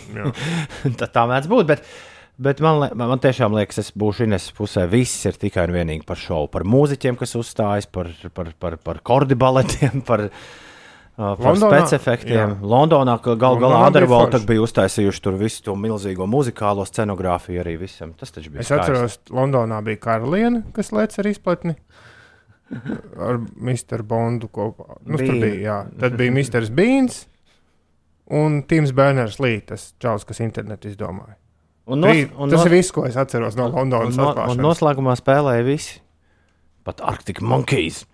Ir 19 minūtes pāri astoņiem. Labrīt! Pieci. Uzgriez un ir. Hidla Roja ar Justinu Bieberu mums ir playlistē. Arī fakts. Būs, būs fakts. Jā. Tas ir fakts. Pareizi, Mjūs bija Londonā, diplomāts rakstā. Bija. Jārs un Jārs vēl bija pa jaunu, lai būtu Londonas Olimpiskajās spēlēs. Bet nākamajā stadā gan šis ir Starstruck. Labrīt! Labrīt! Ir pirmdienā, 19. jūlijas, šeit pieci rītī. Paldies, ka mūs klausies! Inesē, kas notiek? Brīvības gatavē posmā no Džutas ielas līdz Gustavas zemgala gatavē ir jārēķinās ar 8 minūšu aizkavēšanos Valguma Kāpēc? ielā. uh, 6 minūtes. Nezinu, kāpēc, bet uh, tā man rāda Baltika Maps. Varbūt kāds klausītājs tur brauc un zina, kas tur noticis. Būtu kāds paps. zina. Uh, Kārļa Ulmaņa gatavē posmā no Ojāra Vāciešu ielas līdz vienības gatavē 5 minūšu kavēšanās Kalnciem ielā tieši tāda pati situācija. Savukārt ir neliels sastrēgums izveidojies arī tepat uh, centrā pirms uh, salu tilta. Tur vismaz veids rāda, ka tur ir neliels būkšķis mašīnām sanācis.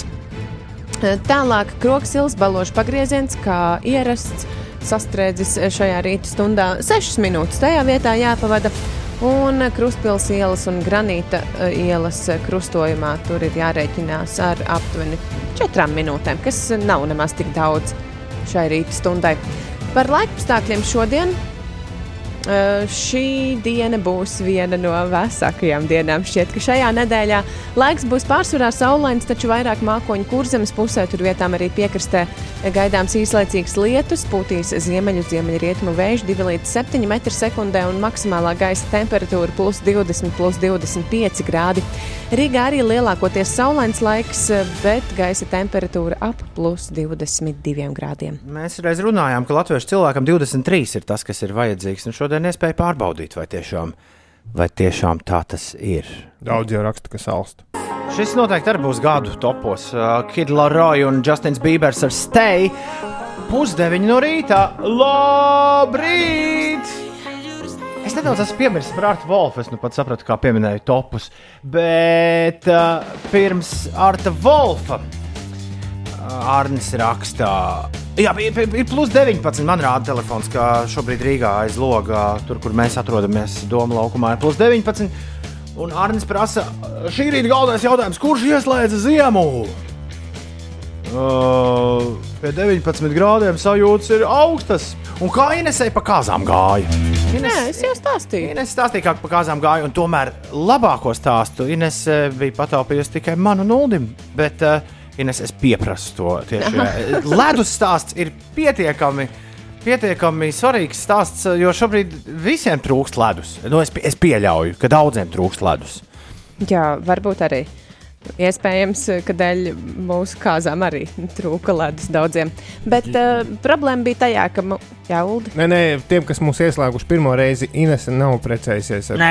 Ah, jā. kādu Nē. no Jā. mums, vai ko. Nē, Tā nē, Inese nē. bija vedējumāte. Ines, viedēmāte pagājušā piekdienā kāzās.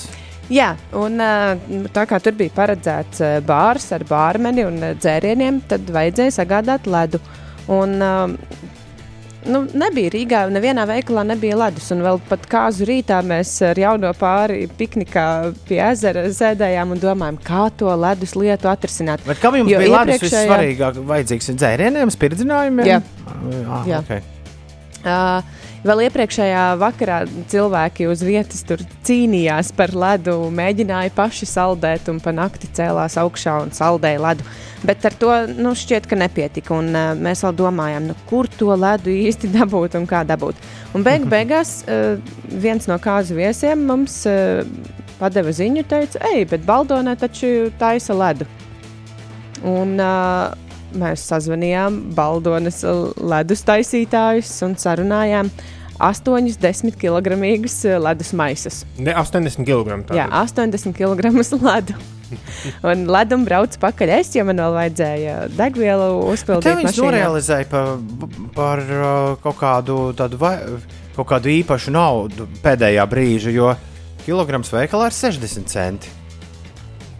Nezinu, pēc, man kādām- nesanāk matemātika, ja tu- jūs paņēmat 80 kg un samaksājat 70 eiro. Man Nebija liekas, ka, tieši 70, bija 64. man liekas, ka veikalā ir izdevīgāk. Labi, bet uh, ne par to stāstīt. Jā, bet uh, braucu ledumu pakaļ es ar savu mazo džeziņu.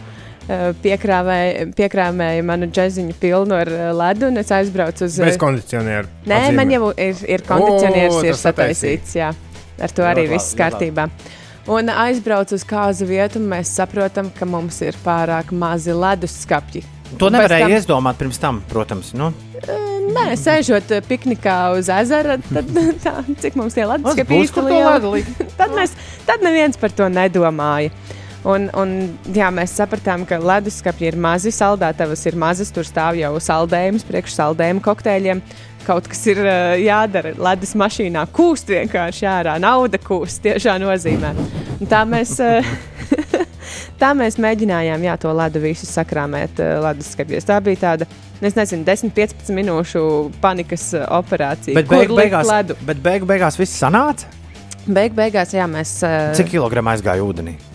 To es tev nemācīšu pateikt. Es tikai zinu, ka nākamajā rītā, iespējams, arī tajā pašā dienā bija dzērieni stāvēja uh, tačkā. Ķerrā, jā. ķerrā, jā, ķerrā pilnā ar ledu. Un, un tā.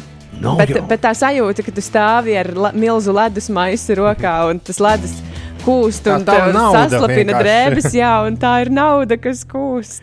Nav jau tik augsti ārā. Tikai patīkami atvēsinošs laiks, rakstā Anna. Ūdens upē gan likās siltāks nekā gaiss.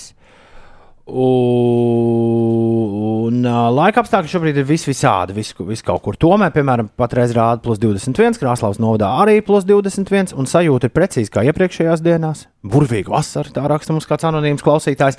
Un brocēnos automašīnā rāda 15 grādus un ārā līst lietus. Huh, kas par rītiņu? Es biju aizmirsis, ka instrumentiem ar busuli ir kopīgs gabals. Re, kur ir? Nedaudz eksperimentāls popmūzikas vēsmas. Tev arī rīta radio 8,38 minūtēs. Pirmdienā, 19. jūlijā. Labrīt, Latvijā! Busulis un instrumenti. Ne šis viesosies instrumentu gaidāmajos koncertos. Aizvadītās nedēļas nogales laikā Ines es piefiksēju, ka es sapņoju notikumus uz priekšu. Kā tev tas, kādus notikumus? Sestdienas naktī es biju kāzās, kurās man nākamajās jābūt pēc nedēļas, un tad es biju arī Bob Di skatījos Boba Dilana live stream koncertu, kurš bija pusnaktī šonakt. kurš vēl, nu, viņš nebija bijis tad. Mm. -hmm. savukārt, savukārt, vakar naktī es šo aizmirsu jums izstāstīt. Es biju šajā raidījumā. Es biju pirmdienas rīta raidījumā, un pie mums ciemos mēs raidījām no kaut kādas koka mājas. Uh, kas ļoti atgādināja pie Māras dīķa bijušo to Arkādijas. Atcerieties to, to celtni, Ulu, kas tur bija pirms viņa nodega. Arkādija, Arkādija parkā bija tāds koka amfiteātris. Nu, jā, kaut liekas, izstādīta. mēs- Kā. Jā, man liekas, mēs no kaut kādas ļoti līdzīgas telpas raidījām. Mums bija šorīt ēters, uh, izbraukuma ēters, un pie mums ciemos bija Marta Grigale un grupa Reigani, kuriem arī bija jauna dziesma. Un ar grupu Reigani bija visbriesmīgākā radio intervija, kāda jebkad dzīvē ir bijusi. Jo viņi desmit minūtes kliedz un stāstīja kaut kādas pilnīgas muļķības. Kā, tas vis- visticamāk arī būtu realitāte. Uh, fun fact, nekad savā profesionālajā radio karjerā es neesmu intervējis uh, grupu Reigani. Uh, senos laikos es biju ļoti tuvu tam, lai nobūkotu viņus uh, uz uh, vienu mūzikas festivālu, bet to bija ļoti, ļoti grūti izdarīt. Viņi ir bijuši kādā intervijā, tagad skatos. Uh, jā, bet, uh, bet jā, uh, kāpēc es to teicu? Uh, Tāpēc, ka tu redzēji šo raidījumu jau iepriekš. Jā, tad par viesiem runājot, jā, viesi, viesi, instrumenti. Mēs varētu ar instrumentiem sasist kādu randiņu, jo man liekas, ka jautājumi par viņu mežu, par koncertu, gan mums, gan daudziem citiem ir daudz vairāk nekā, nekā atbildes. Un tu pareizi saki koncertu, jo viens no diviem jau ir izpārdots. Ko nopietni? Jā, 27. augusta, tas, kur bija nu, tie dzeltenie noteikumi, nu, kur arī ar testiem, tas jau ir sold out. Wow! Tas tik nu ir uh, uh, numurs. Varbūt mēs varam Jānu un Reinu, nu, ja ne šeit studijā, tad vismaz kaut kādā zūmā sadabūt kādā rītā. To būtu jauki, uh, jauki noskaidrot. Nu, tīri tā, sabiedrības informēšanas, informētības labā. Vai ne? Ines? Jā, būtu forši. 8,41. Pulkstenis saka, ka tagad tavs izgājiens. Mm -hmm. Vēl nezvanīja neviens no instrumentiem. Okay. Valsts policija turpmāk stingrāk vērsīsies pret pārkāpumiem, braucot ar elektriskajiem skrējējiņiem. Tā šorīt intervijā Latvijas televīzijas raidījumā Rīta panorāmā atzina valsts policijas pārstāvis. Līdz šim kārtības sargi veica skaidrojošo darbu personām, kuras brauc ar elektriskajiem skrējējiņiem, stāstot par izmaiņām to, mm, šo transporta līdzekļu eksploatācijā. Šis darbs vēl turpinās, bet nākamais solis būs stingrāka vēršanās pret pieļautajiem eh, pārkāpumiem šajā jomā. Eh, Virkni cilvēku gūst traumas, pārvietojoties ar elektriskajiem skrejteņiem. Turklāt tas eh, notiek eh, ne noteikumu neievērošanas Un- un dēļ, bet, bet arī. Bet nenormāli pārkāpja noteikumi. Jā, Kāpēc bet tā? arī tādēļ, ka cilvēki vienkārši nerēķinās ar ceļu seguma stāvokli un izvēlas neatbilstošu ātrumu tam. No šodienas būs slēgta pārvietošanās gājējiem pa aizsargu dambi ādažos no Vējas ietekas Gaujā līdz Kadagas tiltam. Savukārt Gaujas ielā šajā posmā būs noteiktas satiksmes organizācijas izmaiņas. Ādažos ir atsākti aizsargu dambja pārbūves darbi. No šodienas vēl līdz 22. jūlijam norisināsies starptautiskais Baltijas baleta festivāls, kurā skatītājiem tiešsaistē būs iespēja skatīties festivāla konkursu spilgtākos darbus, un Ventspils augstskolā atklās starptautisko lingvistikas olimpiādi. Tā ir Tad- viena no 17 zinātņu olimpiādēm, kas notiek, un ir gandrīz 300 skolēni no 32 pasaules valstīm. Cik tev daudz stāstāmā? Ļoti daudz. Es gribēju, daudz. es gribēju par tiem skaitļiem, jo mēs piekdienas ar Magnusu iesākām tādu labu rubriku Bet, bet, pēdējās man- stundas man- man- man- satiksmes cepiens. Un, un tas tiešām ilga gandrīz stundu piekdienu. Bet mums nav stunda, mēs varam tikt ļoti ātri, jo man arī ir par šo šis tas sakāms. Nē, tu teici, ka esot briesmīgi pārkāpumi. Es vakar skrēju 26 km meža parkā, vienkārši riņķojot. Un uh, e, katrs otrais skrējējs bija tāds, uz kura bija divi pasažieri. Un labākais rekords, ko es redzēju, bija trīs cilvēki kopā, kas brauca. Oh. Un ļoti daudzos gadījumos brauca arī mazbērni, kuriem šobrīd jau ir, man liekas, pēc kaut kādiem oficiāliem noteikumiem nav atļauts. Tā ir tīrā statistika. Un vēl viena lieta, kas man dara bažīgi, ir tā, ka man ir bail ar, ar tiem aparātiem braukt uh, vispār. Mhm. Vispār tā kā bail. No Kāpēc- 14 gadiem drīkst braukt. Kāpēc, kāpēc man tas jādara? Jo bija stipri daudz bērnu, zem 14, kas, kurus vakar es redzēju ar šiem skrējējiem meža parka teritorijā. Bet, uh, jā, man dara bažīgi tas, ka aizvien vairāk es, iespējams, ka tas ir tikai manā burbulī, bet dzirdu par pieaugušiem vīriešiem, kuri pēc vakara pavadīt krodziņā izlēma doties mājās ar šiem skrējējiem. Jā, jo lētāk nekā taksis. un Kas tad tur? Uh, uh, ļoti slikta ideja. Ļoti slikta ideja.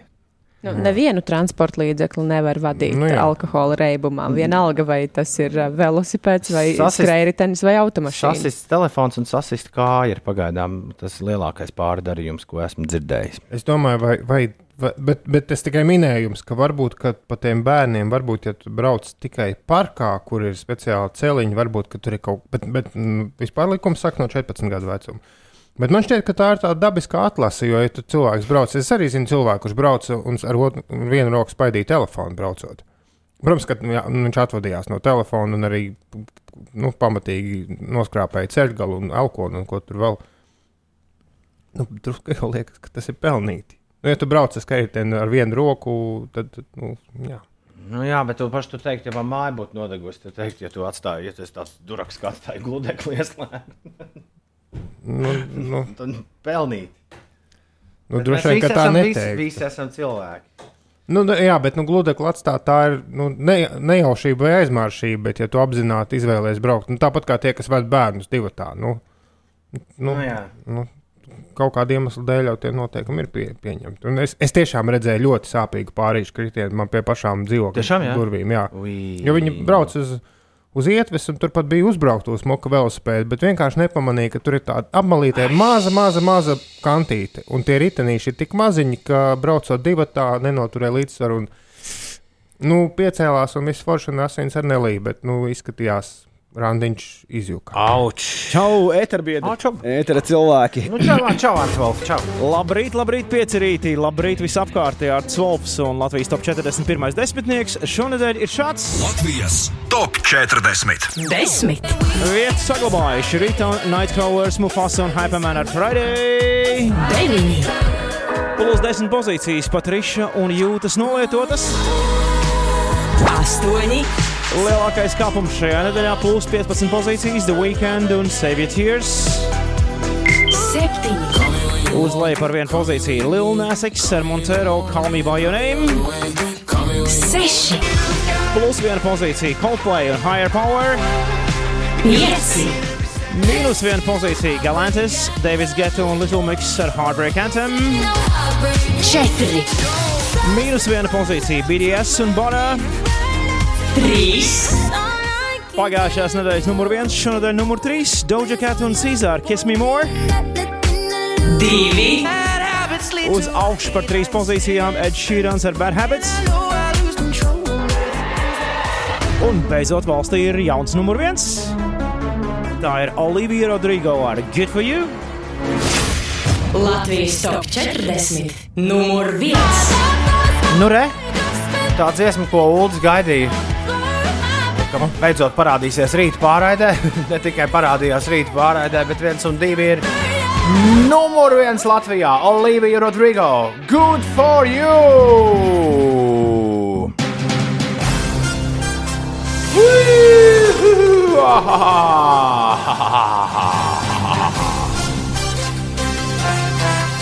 Šeit pieci rītī un interesantās ziņas.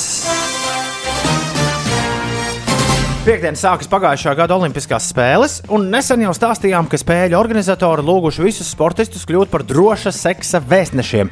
Un prezervatīvu kaudzes, ko tradicionāli izdala Olimpiskā ciemata iedzīvotājiem, vest līdzi uz mājām, lai tur izdalītu tautiešiem un stāstītu, cik svarīgi ir izsargāšanās. Tad mēs Tīnai Graudiņai un Aļonai viņas- Stafē, ko varēsim prasīt. Lai uh, pastāsta- Lai iedod mums prezervatīvus Jā. un izstāsta, kā jāizsargā. Ļoti labi. Galvenais iemesls, kāpēc organizatori nevēlas, lai prezervatīvi tiktu lietoti Olimpiskajā ciematā, Covid-19 drošības pasākumi, kas liedz sportistiem pulcēties divatā vai lielākās kompānijās. Tagad sociālos tīklos un presē parādījušās ziņas par vēl vienu izsargāšanās līdzekli, ko ieplānojuši astprātīgie Tokijas spēļu organizētāji. Sportistu istabiņās atrastas kartona gultas. Izsargāšanās darbojas pavisam elementāri. Kartona gultas ražotas tā, ka tās spēj izturēt tikai viena cilvēka svaru. Sportisti, kas jau ieradušies Olimpiskajā ciematā, norāda uz vairākām sistēmas nepilnībām. Pirmkārt, kur teikts, ka neatļautās darbības jādara tikai gultā, un otr- otrkārt, kā norāda ASV Olimpiskās komandas dalībnieks Pauls Čelīmo, 5 km skrējējs. Tālo distanču sportistiem kartona gultas nav problēma.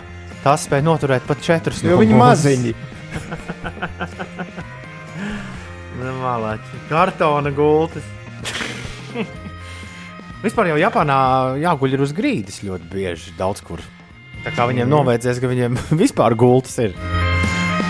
ASV pamazām atgūstas no Donalda Trumpa valdīšanas laikā sastrādātā un nesen atcelts viens no svarīgākajiem likumiem, ko izdeva Trumpa administrācija. Iepriekšējais ASV prezidents reiz kādā runā sūdzējās par to, ka dušas nelaiž cauri pietiekoši daudz ūdeni. Citu, tā ir. Man arī gribētos bišķi vairāk. Un uh, Amerikas Savienotajās valstīs, un iespējams arī pie mums, tiešām ir noteikumi, kas ierobežo, cik daudz ūdens var tecēt cauri dušai. To uzdevums ir palīdzēt taupīt ūdeni, īpaši štatos, kur bieži parādība ir sausuma periodi. Pēc kāda laika pēc Trumpa iniciatīvas tiešām pieņemta likuma grozījumi, kas ļauj ražotājiem ražot dušas klausulas, kuras laiž cauri vairāk ūdens, lai prezidenta kungs var kārtīgi nomazgāties. Viņam tur matiem kaut kāda problēma bija. Asau, to redzēt. Associated Press gan raksta, ka šie noteikumi pārsvarā palikuši tikai uz papīra, jo atrast jaunu dušas cauruli, kas atbilst Trumpa ūdens vēlmēm, nesot bijis vienkārši. Vairums ražotāju neko nav mainījuši un turpinājuši radīt tādas pašas dušas kā līdz tam. Bet tagad, kad Baidena administrācija sakārtojas visas pārējās lietas, pienācis laiks arī dušas noteikumiem. Trumps, protams, drīkstēs lietot savu jau iegādāto īpaši uh, caurtecīgo dušu, bet, ja viņam nāksies uzrādīt uz, un uzrādīsies vajadzība iegādāties jaunu klausuli, uh, tad uh, nāksies iztikt ar Nu jā. tādu pašu klausuli kā parastajai Jā, tautai. nevarēs vairs nopirkt mm, īpašās Trumpa resnās dušas. Un pasaules slavu ir guvis kāds picu cepējs no Gvatemalas, Dienvidamerikā. Mario Davids Garcia Mansilla, kurš sevi dēvē par pavāru amatieri, viņš uzaudzis Pasaja vulkāna pakājē, un kādā jaukā dienā viņam iešāvusies prātā ģeniāla doma, kāpēc gan nesākt Ines cept pizzas krāsnes vietā, izmantojot vulkānu. Wow. Lai arī tas izklausās bīstami, netrūks cilvēku, kas vēlas pamēģināt vulkāna pizzu, tāpēc pavāra biznesa zeļ un plaukst. Un, ja tu vēlēsies uzzināt, kā izskatās vulkāna pizza, dodies uz Instagram. Uldis uztaisīja linku uz uh, kontu, kurā uh, ir tā pizza, pizza pakaļa Davida. Uh, E-punkts uz slīpsvītra vulkāna pizza. Jā, un es mēģināju izdomāt, kas būtu Latvijas alternatīva šai te vulkāna picē, bet, diemžēl, diezgan šobrīd nu, tas ne, nemaz nebūs smieklīgi. Nekas labāks par meža ugunsgrēkiem, manuprāt, tā neienāca. Tā Labāk, teikt, meža cūks cepets pat taisno no dabas. Jā, nu, tāpēc. Nu, jā. Uzmanīgi mežos, lūdzu, ar uguni. Ja? Jā. Tagad ir viss sauss un izžuvis. Un kādreiz būsim, kur tas bija? Uh, Gvatemalā, jā. Jā, Vul vulkāna pizzu. Noteikti iekļausim savā dienas kārtībā. Es nošķirtu tos skūteristus, kur īrē un kur ir iegādājušies skūteri, raksta Oskars. Vienu laiž, otru brauc prātīgi. Man arī ir skūteris, savs park and ride, iemet auto bagāžniekā skūteri, noliec pie centra, brauc, kur nepieciešams.